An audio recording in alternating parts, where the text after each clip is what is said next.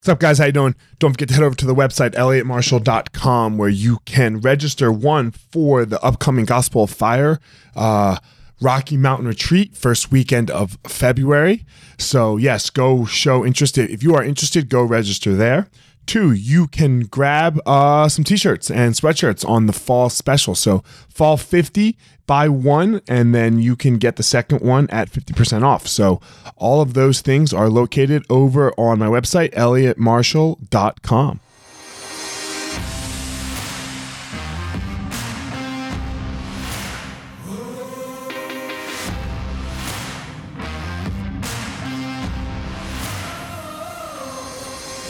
What's up, my ninjas? This is former UFC fighter Elliot Marshall, and this is the Gospel of Fire, where we are going to learn how to go into the fire so that we can find our power and live the best life possible.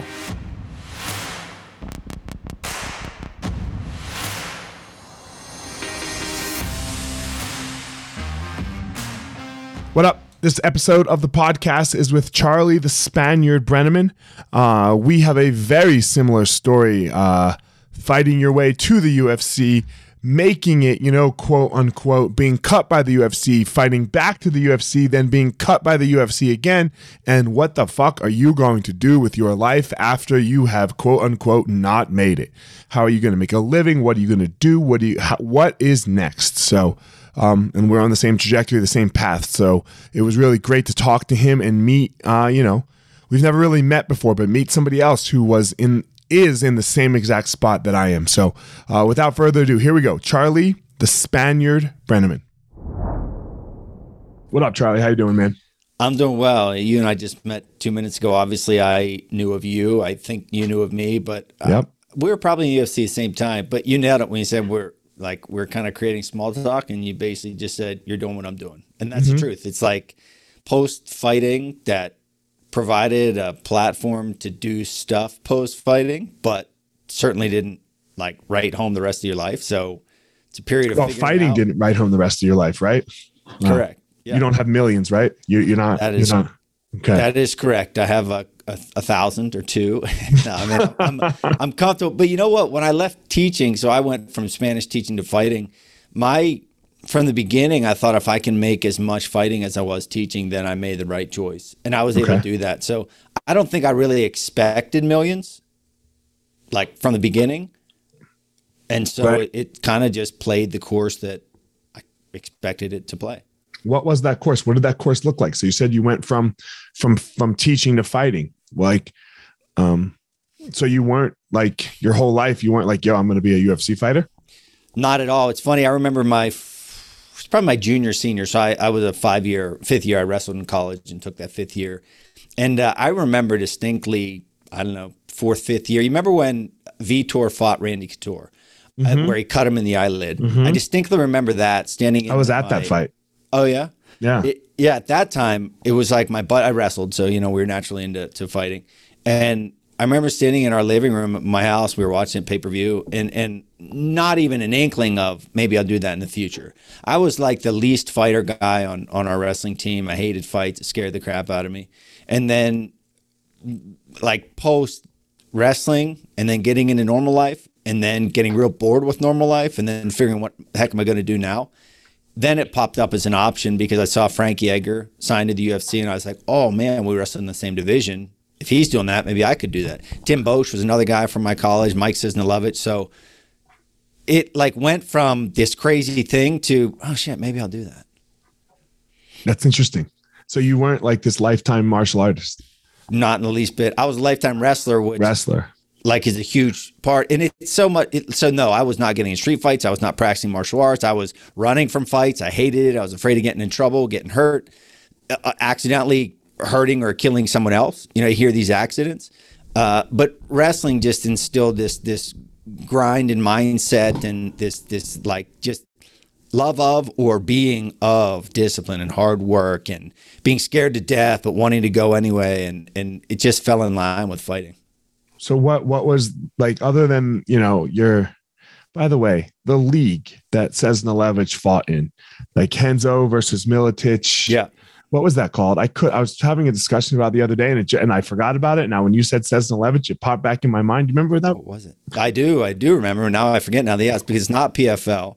No, Uh, the teams. yeah, I know. I know what you're talking about. But God damn it. escaped- The pit bulls.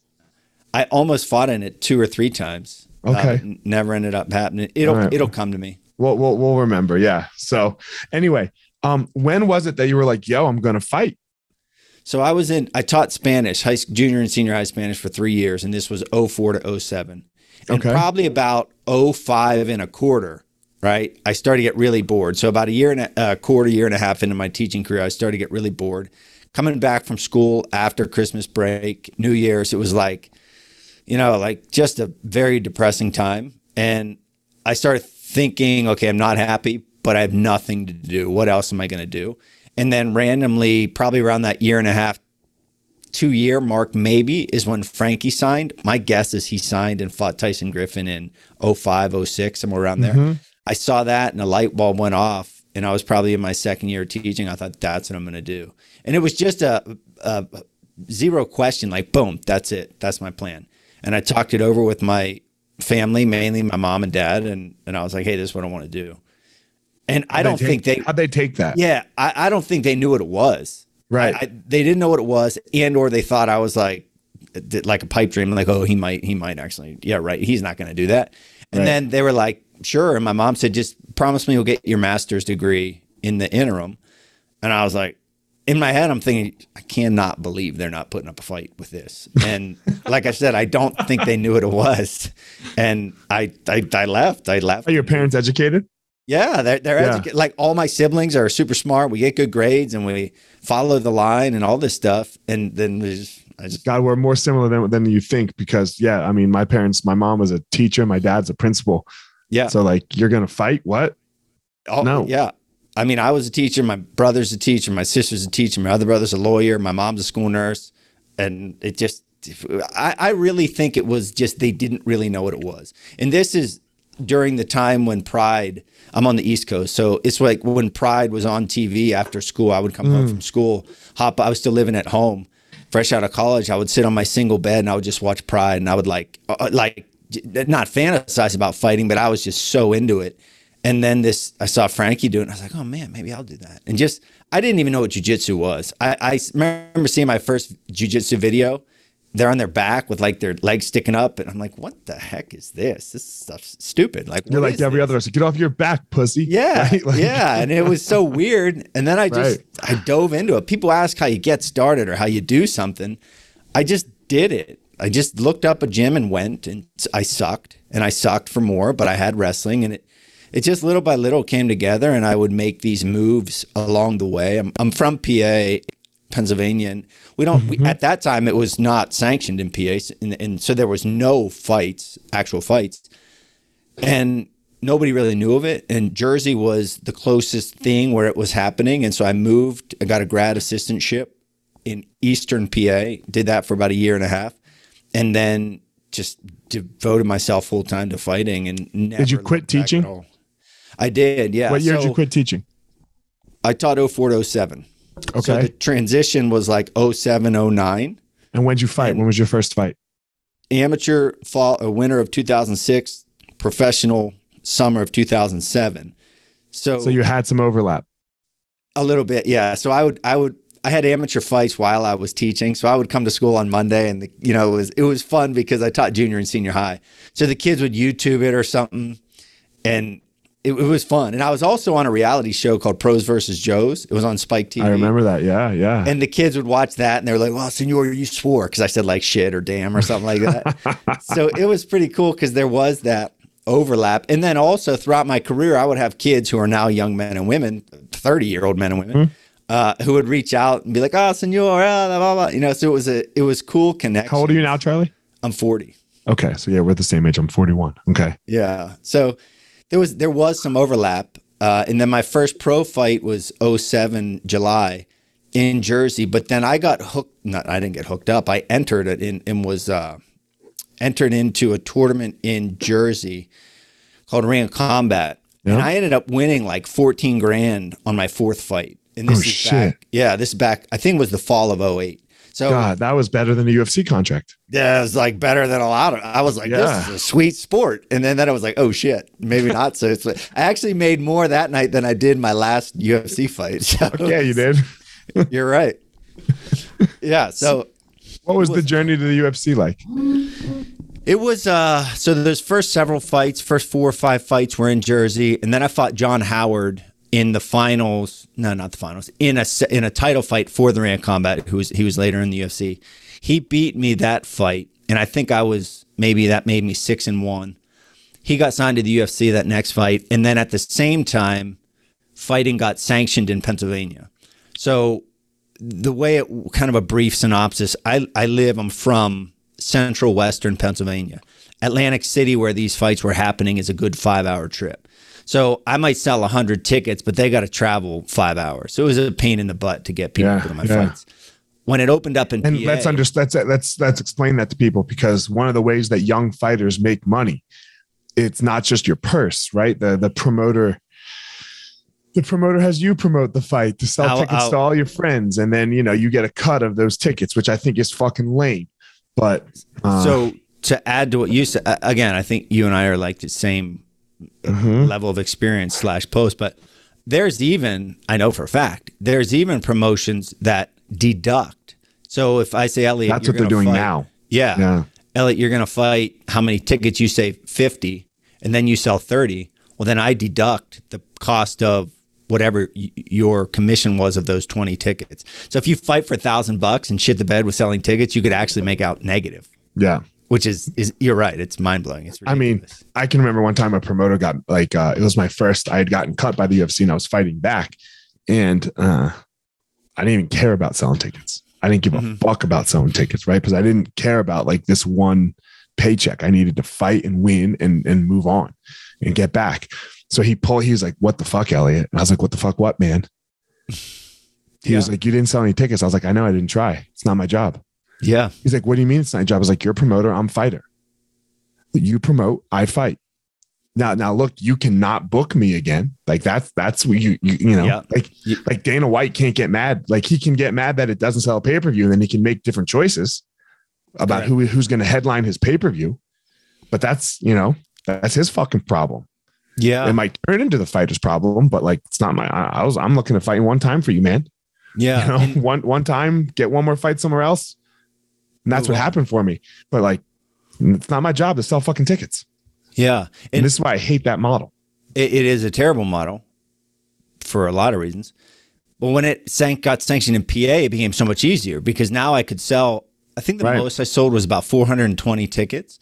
Um, and, And you're and getting like 25 bucks a pop, right? yeah, or or what I think I don't even know, maybe forty percent, or it was a decent amount. So I was making more fighting in like my backyard in Podunk, PA, than I Mhm. was title fights for you know these different organizations. But the problem with that is you were saying I'm trying to fight, and when you have like twenty grand of green dollar bills on your kitchen table, and you're trying to like organize it and keep it here and meet people here and meet people there, and but it, it's overwhelming and terrible. And I was lucky that I had my my brother and my dad and my family helping me out, but it's a a, a, a shit show. And you'd have fights canceled the day of and have to give the money back and like balance all that shit out. And it's like, come on, I'm trying to be a professional athlete, and now I got to worry about this. Yeah, pe- people don't get. eh, I mean, it's not. I, I don't think it's as bad anymore.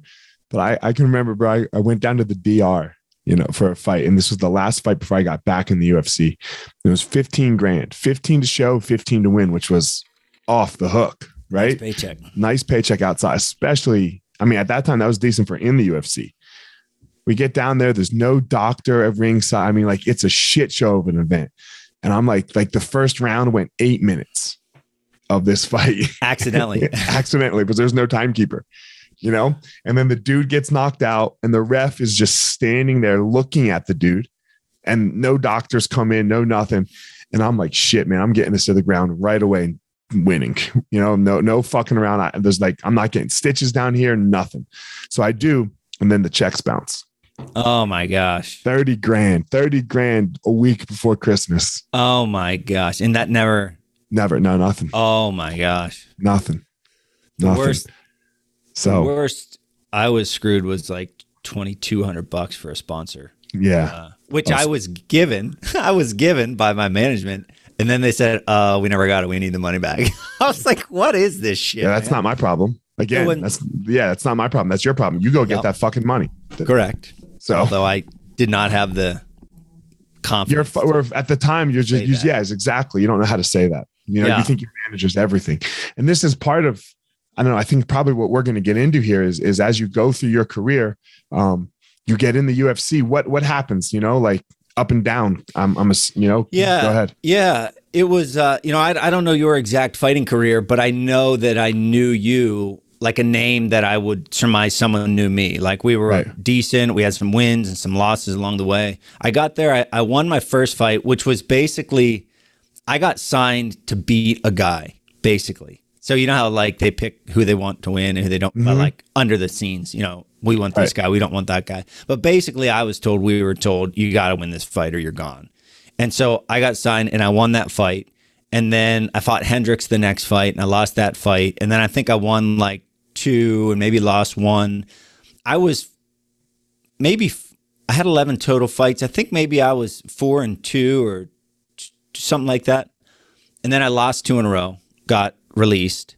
And then I uh, fought at the lower levels and won four in a row, and then got back to the UFC and lost three in a row and got fired right away. But during that first stint, I beat Rick Story, which was like, a, a, I mean, made my career, and it, it just it really helped me in forming a life post fighting because I have that moment. But it was uh, in Pittsburgh, and I was this was you know he was supposed to fight Marquardt, whoever. Oh, that yes. Yeah. Oh, because I, so Nate was my training partner. All right. So we were together. That was the whole testosterone thing. Yeah. And so I like locked into that one. I say Yeah. lock. This is a this is like a hard principle that I teach or talk about when I talk.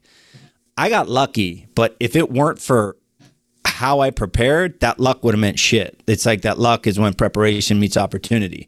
I went there to fight TJ Grant. TJ Grant got mono, didn't fly to Pittsburgh. Marquardt gets popped for testosterone. And like the behind the scenes of that week was insane. The stuff that I would be receiving minute by minute, basically. And then I get to the weigh-ins, stand there with my freaking nothing. Um, nobody even knew like I was there. And then boom, Charlie, weigh in. You're up. You're in. I was like, what? And it was it was insane. But that was like super high point one, right? That was the main event, wasn't it? Co-main event. It was Co-main Barry event. and uh, Czech fought the main event. Okay. Crazy fight they had. Yeah. And then post that fight, I fight Rumble, and it it, it I, he kicked me in the face and TKO'd me. Um, and then I lost. I think maybe the next fight or one loss. Anyway, so I was out, back in, and then out again. And then to allude to what you said earlier about the kind of getting back, I fought. I had four good fights prior to getting re-signed. Decent, fair pay. I felt good about. It. it was like ten grand, eight grand, seven grand. You know, against guys that that I you know was doing really well against and building my way up.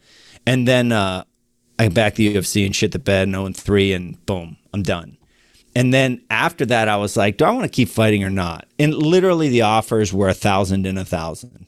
And it, it, I was like, I had 11 fights in the UFC. If this is the market, then I'm done because it's terrible. And so I sat on that for, I don't know, six months to a year and, until I really like, all right, I'm going to start digging into post fighting. If a fight comes up, it comes up. Otherwise, I'm devoted, you know, full full time to figuring out my future. What was what was that full time figuring out your future? Yeah. So step one, it was okay, sitting, waiting. And then it was, all right, what can I do now? Like right now, I'm sitting at my house. I have nowhere to go, nothing to do. Nobody's calling me. And an idea had been planning to write a book because people constantly ask questions. I'm sure they ask you questions. Anything from how much money, does it hurt? What's it like? What's Dana White like? What are the other guys like? Are you afraid? Are you scared? And so I just started writing a book. No idea how to write a book. I just literally word started typing little by little by little that got put together and i self-published it on amazon with the help of very kind people in my circle and then uh, i started speaking because like you i'm sure people are kind of fascinated by fighting you have this ufc tag so i was able to call a We, we get instant street cred. yeah correct Uh, li- valid street cred Mhm. right like legitimate valid Yeah, it's earned. It's not. It's not given. Yeah. And so that, that's half my problem with most of the people is I'm like, you have no street cred, bro. Yeah. You know, you, you what, why in the fucking world should I listen to you? What have you done that has uh, earned my time? Yeah. And it's, I mean, it, It's not it- much. It's very hard and it sucks and it's, you know, hurts Mhm. physically, emotionally, all of it. But I, like, through writing a book, learned that, okay, there's a profession that's called speaking, and a lot of speakers write books. I also have this backstory. So that slowly started to morph into, oh, I'm a speaker and author.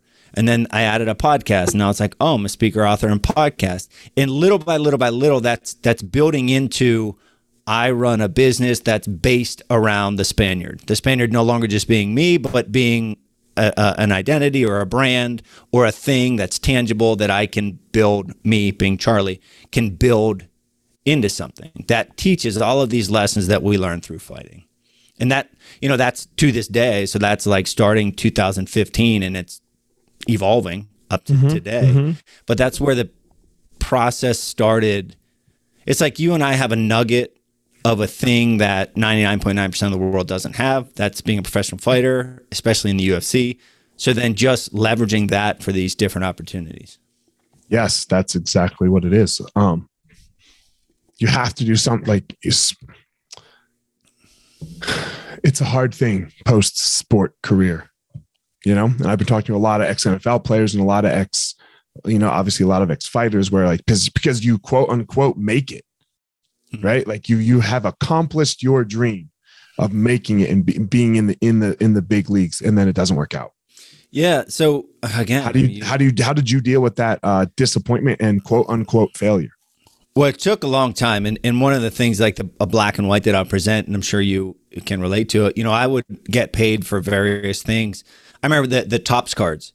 I got, I, I mm-hmm. remember getting a check for fifteen hundred dollars for signing like a couple Yep. hundred cards. Yep, yep, yep. And then there's these sports bars that would easily pay a thousand bucks for me to go watch a UFC fight and get as much free food as I wanted. Like that stopped happening. Nobody Sure. cared. So if I, first of all, you feel like a douche calling someone and saying, "Hi- "Hi, I'm a former fighter," and like you, it doesn't work anymore. Like they don't, they're not asking for you, and you don't call, so it just it stops, and it's like I didn't really have a problem with like value value or self-esteem. I just didn't because I think I had a foundation and family and friends and stuff where it, it I never really bought into it, but it still hurt emotionally to to kind of just be forgotten. Also a, a huge component to, to business versus fighting. In fighting, we shoot for 100% success. Or like that's our goal. If you're 500, you're an average fighter, and that's not getting you to the UFC. Wrestling's the same way. In business, it's like almost well, it's more than inverse because if you cold call and cold email and it, like a, a 2% warm response rate for direct email marketing is a good warm and that's not a gig You, that's op- a, yeah, you, you look at your click through rate on MailChimp or wherever the Yeah. fuck you host your email, and you're like, yo, 10% clicked. And you're like, God damn, that's good. That's a win. and that equals zero dollar bills because Right. those have to lead to phone calls, which then lead to business. Mm-hmm. And, and so it, it that was the hardest thing for me to get used to is okay, I come from a sport wrestling where I'm I want I'm winning state title. That's it. I want a state title. I want all American medal. So this is the upper echelon. And then fighting's the same way. And then business is like 100% the inverse. I like so what I what helps me with that, what I the way I like to explain it is not in the result of the match, but I like to look at it is as what's your what's your per, what's your percent success on moves you try. Yeah. That is very low in fighting, Yeah, true. right? Like if Yeah, you're gonna roll good with analogy. somebody, uh, we're gonna shake hands and we're gonna see who taps. I'm I'm only like, man, if I hit 25%, I am the world champion. That's a Because, that's a know? really good analogy and Yeah. very true. It's because So you, that was terribly unsuccessful. Yeah. and it took a it took a while for me to realize that, but then also to not like cry about it and be all sensitive about it. Like I used to get pissed off at people if they didn't respond to an email or a phone call. And now I Okay, why I don't you like it. my post? Yeah, you son of a. But now it- I, whatever it is, what Sure. it is. I, um, you you echoed what I said earlier um, when I said I didn't have the confidence at that time to really voice my opinion, dealing with the management and the paying and everything. that com- confidence comes with experience. And at 40, I'm much more confident than I was at 30, having all that experience, doing all this freaking business, blah, blah, blah, that's so hard and like soul uh, devouring. Now it's like, all right, I understand what I am, what I have, the value. If you don't like it, okay, I'm going to the next person. Mm-hmm, And that, that shift helps a lot. yeah, it's it's it's just I don't know. I like to say fighting helped me get good at at, at at life because I just failed so much at fighting that you're like, oh fuck it, at least you know, no hospital trip. Right? Yeah, and- you know, I got, excuse me, I got Yeah. knocked out um, once out cold on TV, and it's so embarrassing. It's so, So terrible. It's, it's the worst. And when I was, I would- did a school, I pe- speak in schools a lot, sharing, you know, my story and lessons with kids about resilience and perseverance. And uh, I had a girl ask me the best thing I took from fighting. I was like, be honest, it was getting knocked out because I have that image that I show on a PowerPoint. It's a really stinking powerful image, and it shows those kids a real tangible example of getting knocked down and getting back up. So, as much as all that stuff sucked post fighting, it gives such a tool bag of stories, pictures, relationships, adventures, like all this stuff to to incorporate into what you're doing and, and makes you like a, a more valuable conversationalist and person Yeah. to communicate with. yeah. Be- you because you, know it's it's such people people can't understand the moment that it's that of like walking to a fucking cage. Everyone thinks they'll do it. Everyone's like, "Oh yeah, man, I'd fight Mike Tyson back in Mike Tyson's heyday for a million dollars." No, you wouldn't. Yeah, it's really You wouldn't. You'd shit your pants. You would shit your Yeah. pants in the back. You would not walk. yeah. Like, yeah, sure. If, if Mike Tyson just came up to you and fought and punched you, then okay, you'd fight back because there's no time to get nervous. Yeah. But if you Like- had to like do a camp and then go wait for four hours in an arena where you were watching other people get knocked out, you know, so terrible.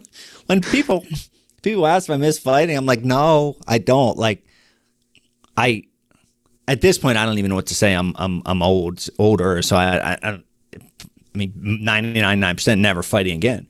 But like, it's really cool, but it also really sucks. And as I get older, and like, I just take joy out of seeing my kids play.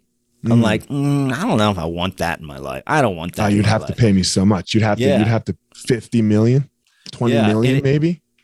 it's so like on the record 100,000 500,000 for me in case anyone hears this but uh it just it becomes I don't know just not worth it Well, everything look, 100,000, 500,000 is a lot of money. I'm not saying that that's not a lot of money. What I'm saying is, is a one off of, of 500,000. It's not going to fuck with my life that much. Look, I might go buy a new car, correct right? And, and, and take a nice vacation and like you pay the house down a little bit, but it doesn't really fuck with your Yeah. life that much. You're still going to wake up and do the same you're shit. right So for me to fight again, I need millions because I need Yeah. to be free at the end of it. Because most likely, I don't know about you, uh, and maybe we'll talk about it here in a sec, but I can't get hit in the head. Like if I get hit in the head, I can get bad concussions. And when I get Yeah. bad concussions, it's months of like crying in the room behind me because I'm like emotionally can't control myself from all the concussions I've had. So, yeah uh, you know, yeah a new car a- ain't fucking worth that for me. It's just not. Like you'd have to change my kid's life forever. yeah that's a really good point and you just raised my bar All right, because fuck yeah, good. when you think about it, 100 grand sounds like a 100 grand. Well, I'd say 500 grand. Sounds like 500 grand, but then you're paying 30 or more percent of that in taxes, and then you're paying for training, and then you're paying for whatever. So let's say it's down to 300 grand at least. I'm gonna buy a car. Okay, that's 50 grand. Okay, that's 250. I'm gonna pay off my house. Okay, I'll put a 100 grand toward that. Now you're left with a 100 grand, and it's like, oh shit. You got a hundred grand, Yeah, and and then that doesn't do shit for your life yeah, unless like you know it doesn't do shit for your life. You take you know nothing. So yeah, because people get all wrapped up around this thing of money, I think, and and and like, I guess this is my thing is like I, I mean money doesn't fucking do it. You It know, doesn't, think it does unless you don't have any. Yeah, and or and and I don't even think it's in unless uh it's life changing because if it's life changing but it puts me out of my kids' lives for the next 30 years, then that's not worth. Like I'd rather be in my kids' lives for 30 years. That's, I was just yeah, I was talking about this with a friend who we have a buddy who uh had to travel every week to Europe. Every week to Europe for like seven years. He had to travel every week to Europe. At the end of it, like he just it, it just paid out. And it paid out 30 million. But he, you know, seven years and not with your kids really. Yeah. It's a long time. Very long time. A lot of yeah, just a lot of I don't know. Period. Like I think about that, like seven years of like not seeing my two kids for five days every week. Yeah. And you know, case in point, my oldest brother's 47. He was diagnosed with a brain tumor two years ago. So I'm sorry. Yeah, I appreciate that. It, but and it's like uh it just makes you makes me, makes us mm-hmm. totally reevaluate everything. So do I miss fighting? Short answer, no. Why? Because I very much enjoy what I'm doing now and there's no risk like compared to what I was doing. And the return is so much more because a fight where you make a hundred grand, which I've never made a hundred grand, but if you make a hundred grand, yeah, yeah, yeah, that's like a lot of time and prep and work and physical and mental damage. And it, you know, when you, when you spell it out, it becomes a lot more, a lot less uh, enviable and desirable. That Usman being said, just, Usman just said it, right? he, you know, when he was like, "Who are you going to fight next?" He's like, "Man, I don't really know. I got to weigh if this is worth it." Yeah. Because what am I going to like? What am I going to do? I'm going to miss my daughter's whole life, but tell her I have 20 million. And when I yeah. when I show her the 20 million in the bank account, she's going to be like, "Yeah, but you weren't there." Yeah, and that's another thing. Like, kid, you have small kids. Like, they don't care. My kids don't give a shit. They care about the here and now. Like, let's play. Can mm-hmm. you throw the football, etc. Mm-hmm. If we take them to, I just told you I went to Disney. If we take them to Disney my, you know, what my son said it's like the pool was their favorite part. The pool, not even at Disney and our resort, and then like a little, a little right? slinky dog roller coaster was his favorite roller coaster that we have ten minutes away at essentially at Hershey Park. So it's like mm-hmm. They don't really care about that. It's what I care about, think I care about, and what I think they care about. Well, because the pool's their favorite part because you get you get in the pool yeah. with them, play, and you spend yeah. time and you wrestle and you play and all this and that and da da da. da you know, because it's all with you. That's and, what they really care about. And that's, but in, I, I believe, and I think you're doing it with your business, that that's all anybody really cares about is how you connect to another human being. Yeah. And I was just going to, well, I, I was in my mind thinking about that whenever I was saying how what I'm doing now I, I, enjoy very much. It really is that there's a transition that slowly went from it being about me to it not being about me, to using me to it using me for it to be about them.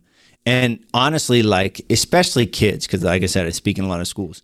When you see the power, the power that I give them by completely divulging my insecurities and my losses, mm-hmm. like the, the, the the the the connection, the emotional connection that happens during that is worth a bazillion dollars. Like it's so freaking powerful and fulfilling for me to have gotten my ass kicked and, and to all this ups and downs and to share it with kids and then have them feel so much safer and more secure and hopeful because of that. It's, How did you like, make this switch? Because that's it's such a switch. Because fighting and, and the chase of a professional sports goal is such a selfish thing, right? You have to be all in on you, mm-hmm. like you must. How did you? How are you able to switch? It that? yeah, that, that that was a uh, that was probably Okay, so I mentioned the the inverse relationship of winning and losing, right? Mm-hmm. Fighting in business. But that right there, selfish and selfless, the the I versus the them. Like you hear mm-hmm. the term how can I be of value? And it's cliched and I think it's beaten into the ground and it's a cheesy business thing that's said. But the truth is nobody's coming to uh, Miami Mike's for Charlie to sign a piece of paper. They're just not coming. Nobody is coming. So I have to call them. I have to call the schools, I have to call the businesses, et cetera. And then hopefully I get to a point where it's incoming again because they, whatever, I build enough credibility, et cetera. But that switching from me to them, it, it I think it was it, you can't get there without getting like you to to you got to get through it to get there. Did you have something in your life though? Because I know I had something in my life. Like I went through something, and at the end of that, I was like, "Oh fuck, Elliot." You know, mm, did no. you did you have an, a, a time or was it just no? It was it was just post. This is what happened. It was it was post fighting where, and then it was like, okay, I want to speak. I want to speak. I want to be a speaker. So it was like, I'm Charlie. I'm a former UFC fighter. and then it was like, I want to speak, and then it was like birds chirping. It didn't didn't care, nobody cared because I wasn't either putting them first or adding what it can do for you. And then I just learned from reading business books and studying business and talking to people that no, you have to incorporate them. Like that's it. It's a value. You're they're buying value. Because I was thinking, but The Rock doesn't say that. So I'm comparing me to The Rock. And then people would, my close business smart friends would say, You're not The Rock. So forget, you're not Joe Rogan, Charlie. So I'm going to start a podcast. I'm going to talk to my homies. Yeah. I'm going to message Joe Rogan and say, Hey, I should be on your show. Like, Right. that, I mean, that that's literally the train of thought. You did that, right? Yeah. 100 I million did too, percent. yeah, so did I. 100 million percent. Yeah. And people now, like on a much smaller scale, will do that for me. And in my head, I'm like, oh, that was me. I'm not thinking about them at all. I was thinking about me. Mm-hmm. And it's hard as a professional fighter when the limelight is on you all the time to then all of a sudden switch and it not be about you. And you have to be okay with that and really understand it's about them. But another thing that helped me tremendously along the way is getting married and having, okay, step one, getting married. Just because I don't like to do the dishes, I now have a partner who likes the dishes to be done. So that's less about But me. Charlie, more- a UFC fighter, you don't do have to do the dishes. yeah, right. I remember one of my favorite comment. I'm good. I'm friends with Frankie Edgar. He's been in my life for a long time.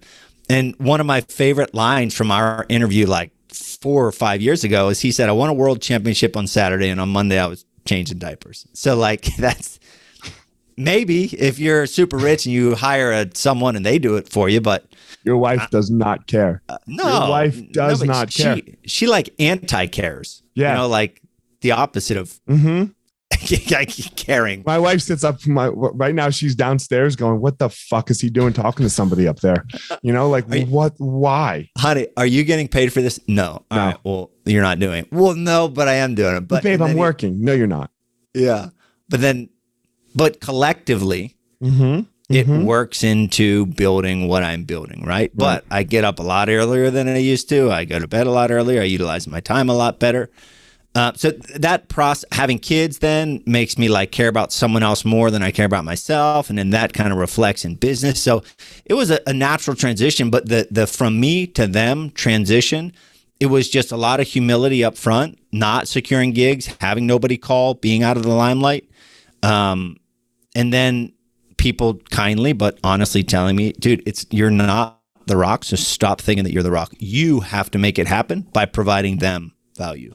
That's So that's that's the that's the biggest shift, right? Is you you go on someone's website who's like an ex athlete, and you can tell they have it by what does their website look like? Yeah. Is their website all about what they've done? Because if their website's all about what they've done, they don't have it, right? Yeah. Like you said, only The Rock and you know Tom Brady when he's done if he wants to, or or Peyton Manning, they can yeah look this, and then people just call, you know. Yeah. But the rest of us who aren't those people, it's all about this value offer that we have for them, for the for the other person. This is what I will provide you, and it's And there's a go ahead. there's a delicate balance with that too because Mhm. I'm so hyper focused on people thinking I'm a self-centered asshole. Right? Like that's my biggest fear, is someone to dislike me because they think I'm arrogant or whatever. But the truth is there is value in the Spaniard. They're not me, right? Not Charlie that I'm but like this thing that is a Spaniard. There's value in it. There's uh, people are curious about it. Uh, people want to learn from my experiences. So there's a delicate balance between not underutilizing your notoriety or fame or credibility and overutilizing it. So mm-hmm, for me, mm-hmm. if you go to my website, there's absolutely my face and my story. Of course, There's also a long list of stuff that I can do for you and its benefit to you. right. So it it whereas someone who doesn't have a story or a background or an event in their life that they leverage, it would be total value on the customer. But it's been a, a long journey for me to talk to smarter people than I am with business to try to reach this balance of, for example, it's called the Spaniard Show. Right move, wrong move. I don't know, but that's where I'm going with it. Right. Right. Yeah. So No, I hear you. No, and I'm not saying nothing, but sometimes you go to an ex athlete and it's all them. It's Yeah. like, look, yeah, it's all them, right? And you're like, yeah, dude, no, no, uh, I had to Google you. yeah. And if I have to Google you, you can't be a whole about you. I remember talking to someone um, and he was in the military and has a tremendous. When I say tremendous, like um, mind blowing story of overcoming adversity. And I remember I was talking to him and, and I was talking about marketing after the fact. And I was like, how do you blah, blah, blah, get business, etc. And he was like, I'm, my, my contact for speaking tab is abundantly overfilled. So I, I don't know. I can't answer you. I can't help you there. And I was like, oh man, that'll be the day where I just wake up and there's inquiries for business. But I have not reached that point. So you got to keep doing the work. Yep. You got to keep doing the work. Um, man, I, I like to always kind of end with two questions that I, that I know I'm, I'm generally, uh, this first question is interesting, but it might not be so interesting. Uh, for us, because I think I kind of know, but why, why take, so don't focus it so much on me in this podcast, maybe, but why take the time out of your day to do a podcast that isn't Joe Rogan? You know that like isn't like because most likely charlie right like i can come on your podcast and you can come on my podcast. It's really not going to do too much for either one of us correct? Like correct. Yep. you don't have 10 million downloads a month right? That is correct. Okay yeah so so why why take your time to do this? So there's a couple reasons. That's a great question. Um for, for several reasons. One because i i communicate for a living and any opportunity to communicate essentially live you know, i don't you might do some editing but there's not mm-hmm. really a lot of editing. Nope. Uh, is practice. It makes me better at what i do and that's communicate. Um, no, very very very few people ever ask me how many listeners do you have? Right? So i could care less how many people are listening. If, if you care if you're 100000 20000 people care to listen to me, then that's an opportunity for me to positively impact someone, and I'm going to take it. Um, and it, it from a, a, a business standpoint, like whether it helps a lot or a little, it's still helping move the needle forward and legitimately to help other people. And that's a that's a thing I wouldn't have felt five years ago when I initially transitioned because I wasn't thinking about other people. I was thinking about how can I build a business. But now it's like I want I, I feel the connection of positively impacting someone because there's a lot of people out there who are hopeless and discouraged and lack fulfillment and are unhappy and depressed and potentially suicidal. And if you can be a voice, then that's like the the the the, the, the, the a huge opportunity and blessing. And a million percent, I'm going to do it. So it, it's a kind of a combination of those things. I agree. If, if, if you can touch one person's life for one day, it's worth it. And I mean, literally, I've never gotten a message from a student that says, I was going to kill myself today and I didn't because of you, right? It's never been that direct and black and white, but there are shades of that that I've gotten time and time again that make me think, holy shit, this is important. That's, that's coming. That's going to come. I, I believe I, it. Feel, I, feel, I, you know, I have gotten that message, and like, right. Sometimes when you think you're about to be like, man, I'm not even fucking doing anything. This is like because you have that thought too, right? Like, yeah. And then like, and then boom, you're like, oh shit. All right, keep going. Yeah, right? and it's kind of like. Going when your parents would tell you when you were a kid, you never know who's watching you, you know, like how you behave and how you act. You never know who could be watching.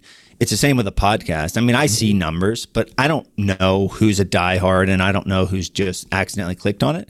But when you get that occasional, when I get that occasional piece of feedback that tells me how important and valuable it is, it's pretty, it, it's, it's both fulfilling and yeah, it's priceless. And then it just makes you want to reach more and more people because it, it it's, it's so needed in today's world. I, I agree. Um, last question. I believe everyone has a unique power, a gift, you know, uh, that they are meant to give to the world. Doesn't necessarily make you famous or rich or or uh, I don't know what it does, but it, it's it's your thing. What do you think your power is? So I'll give you two answers here. I think a superpower I have is consistency, uh, and I know this is not the direct answer of what you're saying, but I want to say it because yeah. people can realize, like, oh shit, I didn't know that could be a superpower. Consistency slash discipline is one of my great is my greatest asset in terms of getting shit done. Uh, you can out you can go to the top through variety of factors, but consistency and discipline being one like a huge driver of what you do. And I think that the answer to your question directly is probably honesty. I'm not a, like you said with fighting. Fighting embarrasses the shit out of you and it makes you want to crawl in a hole and never come out. And so because of that, I've just been able to develop a very honest approach to life, a very like sharing and vulnerable. uh, I think that's an overused word, but it's true here. I, I just show it. I show it. And sometimes it's awesome and sometimes it sucks. But so many people are afraid to be honest with themselves and with other people. And getting your ass kicked time and time again on a big scale really helped me develop that ability to be honest. It's amazing how it does that. Well, it sends you one of two ways, I think. It sends you lying to yourself for the rest of your life, or it sends you being brutally honest. Yeah. You know, it's it's like uh, it's like the alcoholic father.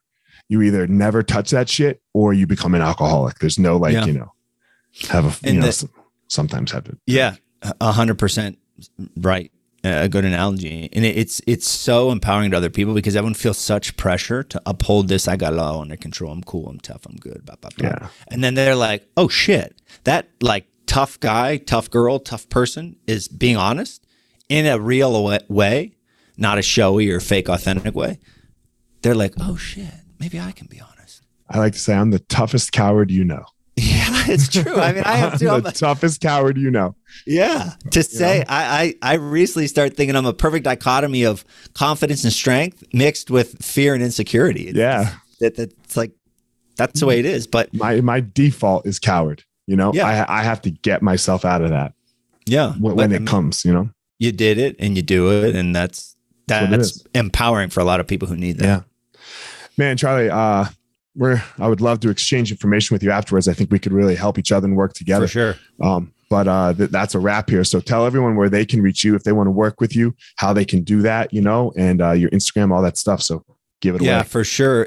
First and foremost, for speaking, you know, my, my website is Charlie Spaniard, first name and nickname, charliespaniard.com. Has my speaking tab there. I do mostly schools, but also businesses. Uh, social media is at Charlie Spaniard.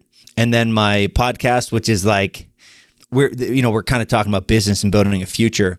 Right now, the majority of my income is from speaking. I would love to make it such that that is split into two ways or three ways, and my podcast being the driver of what I do. You know how hard it is to grow a podcast and monetize a podcast, but that's really my my goal. It's and my podcast is about learning. It's about reading books and learning and interviewing people like yourself. Um, and that's the Spaniard Show on on uh, on the podcast apps. So, all right, man. Appreciate it, Charlie. Guys, as always, don't go out in the world and try to be Charlie. Charlie has his own unique way, his own unique power of doing things. And don't go out in the world and try to be me. I again, I have my unique way and, and how how my life works.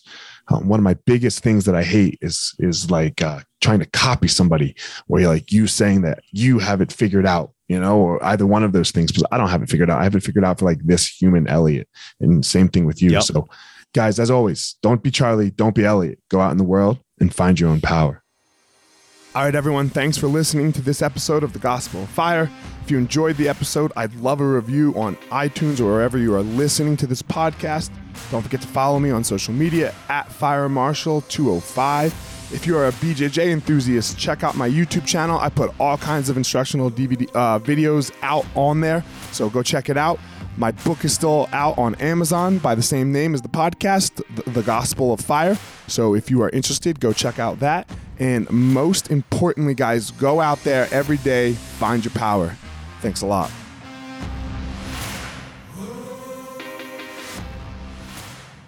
Guys, look, I get it. I totally get it. You opened a martial arts school, and man, it's kind of crushing you. There's all this other stuff to do other than teach, right? You love teaching. You love jujitsu. You love Muay Thai. You love karate. Whatever it is you're you're teaching. And man, but there's all this other stuff. There's there's the front desk. There's there's taxes. There's curriculum. There's cleaning. There's there's problems, staffing, covering. Whew, man, it's so much. It's so much. Well, let me tell you, uh, we have started what's called Easton Online, and Easton Online is here to solve all of these problems for you. Easton Online is a digital academy for martial arts school owners and managers. Will help you establish or enhance your business with best practices. Most importantly, we're going to help you get back to what it is that you love most teaching and doing martial arts. Okay, so for more information, guys, go to easton.online. Again, that's easton.online.